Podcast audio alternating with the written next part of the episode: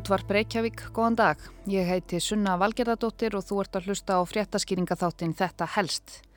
Í dag ætlum við að kíkja aðeins aftur til Indlands en Katrín Ásmundsdóttir kannaði svo litið sérstakt mál þaðan þann 23. júni síðastliðin.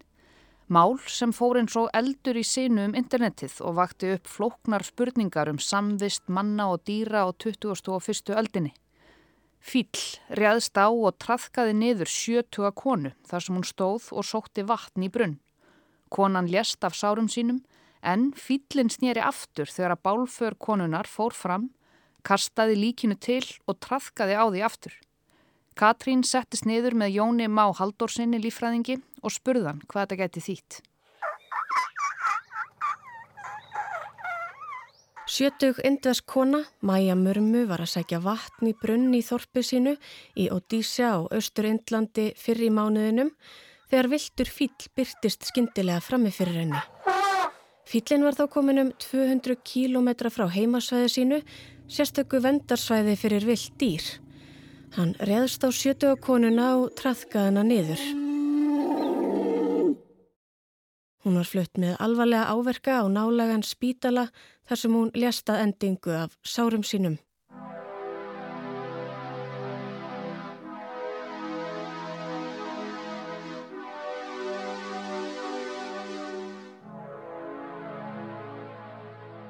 Það er svo sem ekkert nýtt að samlífi manna og dýra, manna og fíla gangi ekki alltaf vel. Maðurinn hegðar sér sjálfur ekki alltaf vel og hegðuninn Afleðingar loftslagsvárinnar ásækni mannsins í landsvæði og veiði hans, svo sem vegna löngunar í fílabeinstennur eða einfallega sér til skemmtunar, bytnar á dýrunum. Fílum hefur yfir höfuð fækkað gífurlega og borið hefur á óvinni mörgum ónáttúrulegum döðsföllum akkurat á þessu svæði frá aldamótum, svo sem vegna ofveiði eða um rúmlega 1300.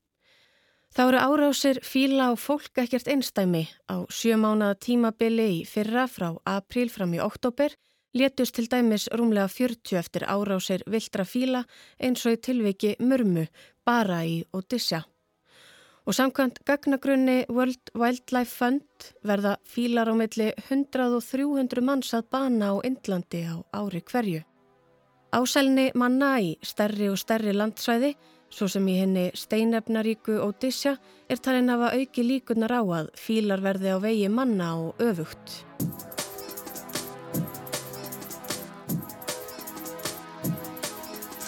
Þetta er sem sagt ekkert nýtt. Það sem er hins vegar sérstakt í þessu tiltekna tilfelli mæju mörmu er að fílinn letir ekki næja að trafka konuna til dauða. Nei, þegar fjölskylda hennar og vinir hefðu sapnast saman að kvöldlægi til að kveðjana við sérstaka aðtöp, snýri fýllin aftur. Já, sá sami og bar ábyrð á dauðunar. Hann leitaði uppi líkið sem átti að brenna, trafkaði á því aftur, kastaði því til og flúði svo að vettvangi. Þetta gerðist fyrir framann alla ástvinni Mæju Múrmu sem flúðu eins og fætur tóguðu undan risastórum fylnum, klifriðu jafnvel upp í tré óttuðust eðli málsinn samkvæmt um lífsitt. Þegar fyllin hafi lokið sér af kvarfan og snýr ekki aftur. Aðstandendur mörmu gáttu lokið aðtöfninni nokkrum klukkustundum síðar. En þetta var enn ekki búið. Fyllin kom aftur til Þorpsins með fyldarliði í þetta sinn. Hjörðin fórum Þorpið og tók sér tíma í að eidilegja allt sem á veginar varð, byggingar, heimili og annað, að sögn Lopa Múdra næjag laurugluþjóns á Rasak og Vindpúr lauruglustöðinni. Í fjölmjölum hafa síðan þá komið fram ymsar kenningar um tilurð og tilefni árásarinnar eða hvers vegna reðst fyllin á innmitt þessa konu hérna sjötugu mæju múrmu en let aðra í friði. Einn kenningin segir að árásin hafi tengst óbeitni andúð fíla á svæðinu á mönnum vegna ágangsþeirra. Það hafi verið tilviljun að fyllin riðist að múrmu, hún hafi einfaldlega orðið á veigjans. Þá setur eftir spurningin um það hvers vegna hann snýri aftur til að valdinni meiri skada og hvers vegna reðst hann ekki að öðru fólki við bálförina, hvers vegna beindan aðeins sjónum sínum að múrmu. Kenningar hafa sprottið upp um að fyllin hafi verið í hemdar hug, Múrmu hafi gert eitthvað á hlut fílsins eða hans nánustu, verið viðriðin veiði þjófnað eða annað, jafnvel mörgum árum áður. Gert eitthvað sem fílinn, minnugur og langrækin á hvaða hefna fyrir.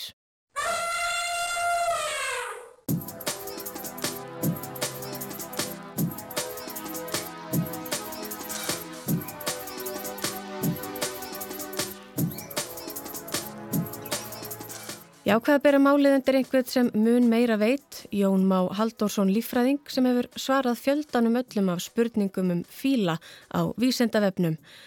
Allt frá því til hvers fílar nota rannan, hvort er hafi hala, skott, dindil eða rófu og yfir í það hvers vegna þeim fækkar svo mjög. Ég byrjaði á að spyrja Jón Má almennt út í dýrin sjálf, fílana. Hvernig dýr eru þeir? Eru þeir árásagjarnir, hættulegir? geta menn og fílar ekki búið í samlendi. Fílar eru svo kvöldur ranadýr og einu tegandur innan þessar ættar minni mig. Það fyrsta sem grýpur aðteglið fólks þegar talar um fíla er að þetta eru stærðar skefnur, getur verið alltaf 5 tonn og staðstu núlíðandi landýr í erðar. Fílar greinast núna í þrjár tegundir. Það er uh, asíski fílinn sem lifir í sunnaverðri Asíu. Svo eru tvær tegundir í Afríku. Það er henn klassíski gresjufíl og svona eitt af enkennis dýrum hérna, fjölsgrúðu og stórbrotnu náttúru Afríku.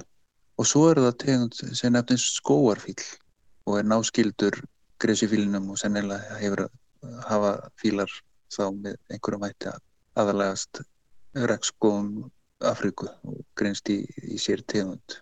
Svo tegund er, er, er minni en gresjufílinn sem er staðstur allar að fíla.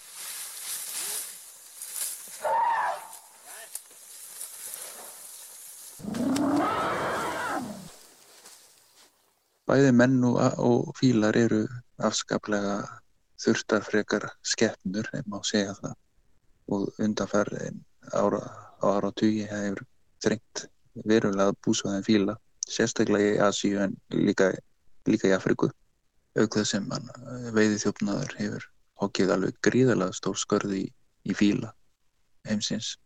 Nú er sennilega tæpla 500.000 fílar lifandi.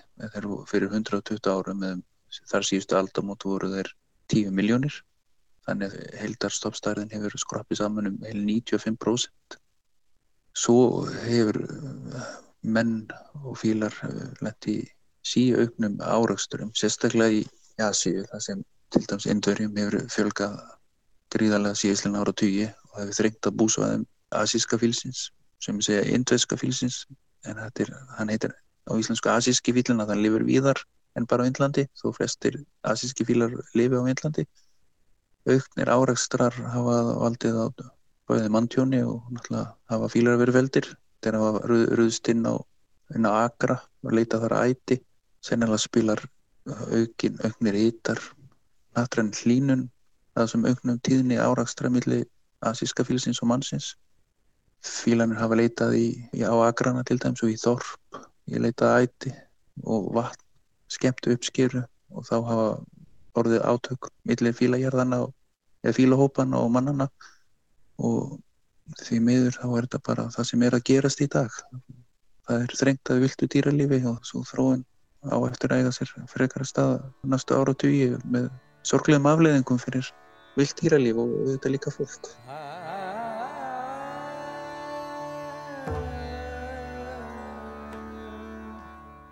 eins og við vitum núna er miklu hittar á Índlandi og það er ekki bara menn mannleg samfélag sem þjást heldur líka vilt náttúra á Índlandi.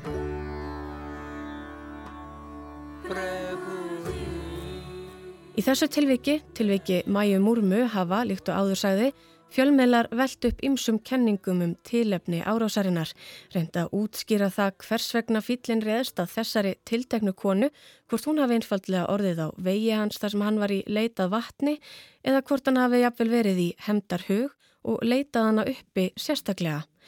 Hvað segir Jón Márum slíkar kenningar og útskýringar? Menn hafa oft reynd að greina hvernig dýr hugsa, hvernig þau hegða sér, hvort þau náttúrulega þekkja manneskjur í sundur, þetta þekkja gældur eigendur og, og fleiri en ég, það er ómögulegt að segja og, og hvernig þetta er eitthvað sem þarf bara að rannsaka og skoða hvort þetta sé í reynd raunin, hann hafi lendi í einhverju árasturum eins og konu og, og skada hana til ólífis og hvort þetta hafi verið tilvílun hann hafi ráðist ráðist akkurát á hana þegar hann fyrir tilvílunarest inn í jarðaförun hennar og, og þetta er alveg ómulagt að segja svona sitjandi í stóla á Íslandi. En það, er, það eru til fleiri svona sögur að dýr hafi leitað upp í fólk og, og leitað henda og hvort það sé alveg fullkomar raunin eða ekki er ómulagt að segja.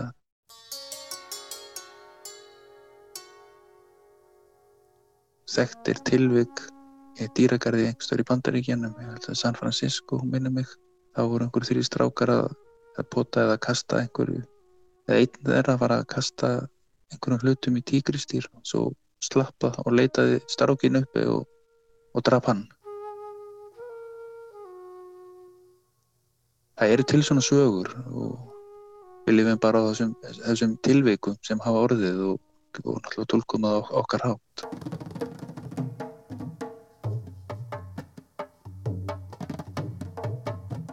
En er það virkilega mögulegt að árásinn hafi ekki verið tilviljanakent, að fýllin hafi getað leita þessa ákveðnu konu uppi þekktana frá öðru fólki og hvað þá með hemdi í huga? Við vitum alveg að fílar eru nokkuð velgefnir. Eh, það er vel, vel þekkt að fílar eru mjög minni til læra, menn hafa stútir að mikið aðtverðli fíla. Mæðurnar hafa farið með börnin sín og og eiginlega kent þeim grasafræði, má segja, hvað er hægt að leita í ákvæmna júrtir og sumar að setja leita í júrtir til þess að deyfa sársöka. Þannig þeir, þeir eru ákvæmlega, þeir eru greindir og þeir eru minnugýr og geta þekkt fólk í sundur. Þeir fílar óttast fólk, óttast menn, þeir hafa náttúrulega skjálfilega reynslega menn. Það er sagt að stór hluti af fílum Afríku eru hálf traumatiseiraðar eftir veiðþjófnað. Þannig að þetta bara kallar á góða vangaveltur um, um andlegt líf og gáur já, fíla og annara dýra sem við deilum jörðinni með. Þau eru ekki sálarlaus og þau eru ekki heimsk.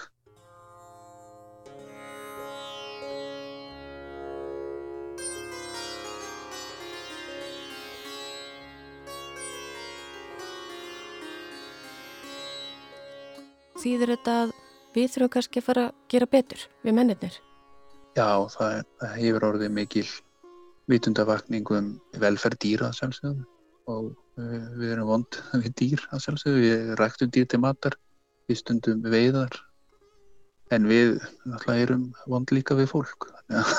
Þannig að þetta er bæði góður og, og vondur heimur sem við lifum í. Og, og það er fátakt í Afriku viða, það er einstund að veiðhjóðna líka til þess að afla sér viðværis Það eru glæpahópar sem kaupa afurðir, dýra í útrýmingarættu. Það eru uh, veiðverðir, þjóðgarsverðir sem eru myrtir, sem eru að verja, verja dýri í þjóðgörðum alvenar og, og í Asíu. Það eru áreistrar vegna aukinar samkjöfnum um rými. Nú eru til dæmis og í Asíu nú eru indverjar 1,4 miljardar. Þeir voru tafnilega 500-600 miljónir fyrir halvri öld. Allt rennur út í einn farveg. Það er ekki samkjæmni um, um hana landrými og mikandi búsvæði fyrir stóru dýr álfunar, Afriku og á Índlandi, sérstaklega Índlandi þannig að já, má segja að vilt dýralífi viða er mikillir varnabarátu Saði Jón Már Haldursson lífræðingur í Þetta helst í dag